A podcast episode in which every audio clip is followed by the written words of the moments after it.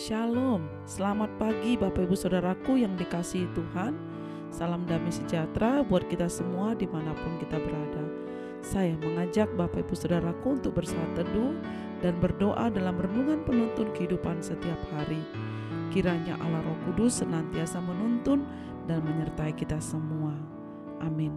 Tema firman Tuhan pagi hari ini adalah hanya satu kata, doa. Ayat bacaan kita terambil dari kisah para rasul 4 ayat 23 sampai ayat yang ke-31. Dan ketika mereka Petrus, Yohanes dan kawan-kawan sedang berdoa, goyanglah tempat mereka berkumpul itu dan mereka semua penuh dengan Roh Kudus. Lalu mereka memberitakan firman Allah dengan berani. Kisah para Rasul 4 ayat 31. Saudara, ayat bacaan yang kita baca ini adalah perikopnya itu berjudul tentang doa jemaat.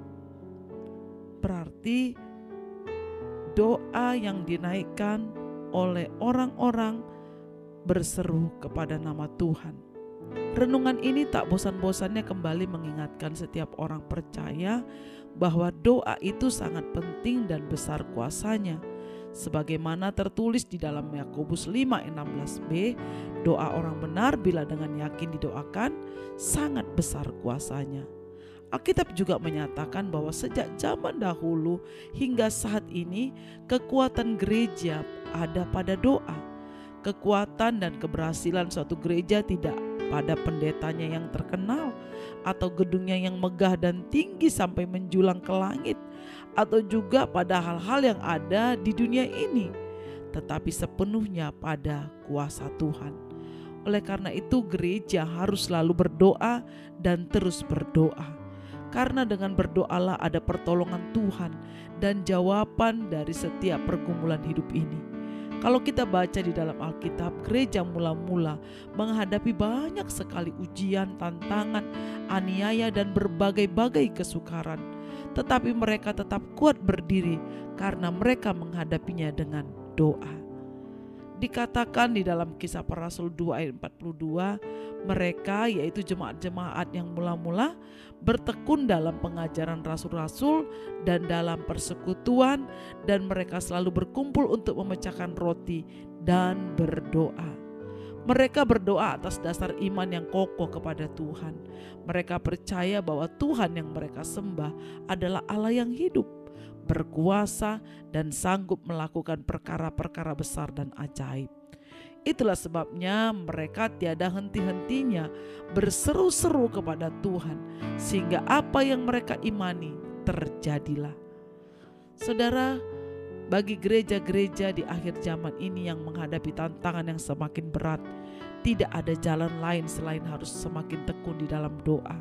Ketika gereja mula-mula berdoa, Tuhan mendengarkan suara mereka. Sehingga akhirnya Petrus dan Yohanes dilepaskan dari penjara. Mereka pun berdoa sehingga firman Tuhan katakan mereka semua penuh dengan roh kudus. Lalu mereka memberitakan firman Allah dengan sangat berani. Karena doa juga lah roh kudus bekerja atas mereka. Sehingga mereka tidak lagi takut atau malu memberitakan firman. Melainkan semakin berani. Tugas dan tanggung jawab gereja Tuhan saat ini adalah berdoa, berdoa, dan berdoa. Bagaimana dengan kita pagi hari ini? Kita sebagai umat pilihan Tuhan, kita sebagai gereja, sebagai bait Allah yang Tuhan sudah tebus kita, yang Tuhan sudah panggil kita untuk masuk dalam rencana dan kehendak Tuhan. Apakah kita hari-hari ini berdoa bagi keluarga kita, berdoa bagi lingkungan kita, berdoa bagi kota, bagi bangsa, bagi gereja di mana kita beribadah, berdoa bagi hamba-hamba Tuhan, supaya dengan berdoa ada kekuatan, ada lawatan Roh Kudus terjadi. Saudara, doa adalah nafas kehidupan kalau kita berhenti berdoa, kita akan mengalami banyak kesesakan dalam hidup kita.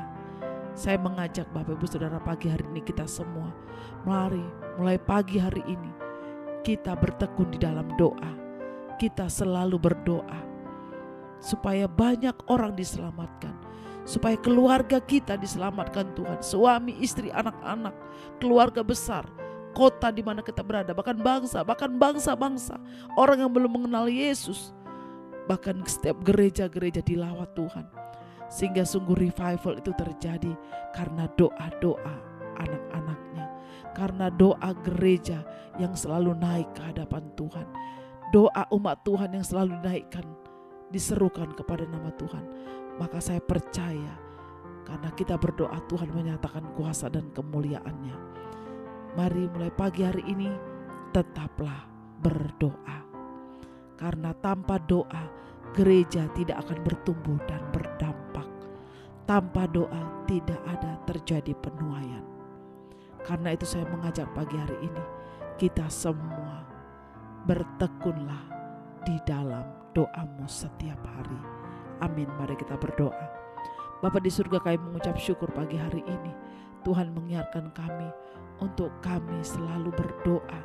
Karena kami tahu ada kuasa yang bekerja di setiap doa yang kami naikkan. Bahkan seperti firman Tuhan berkata bahwa Tuhan jauh melakukan lebih dari apa yang kami doakan.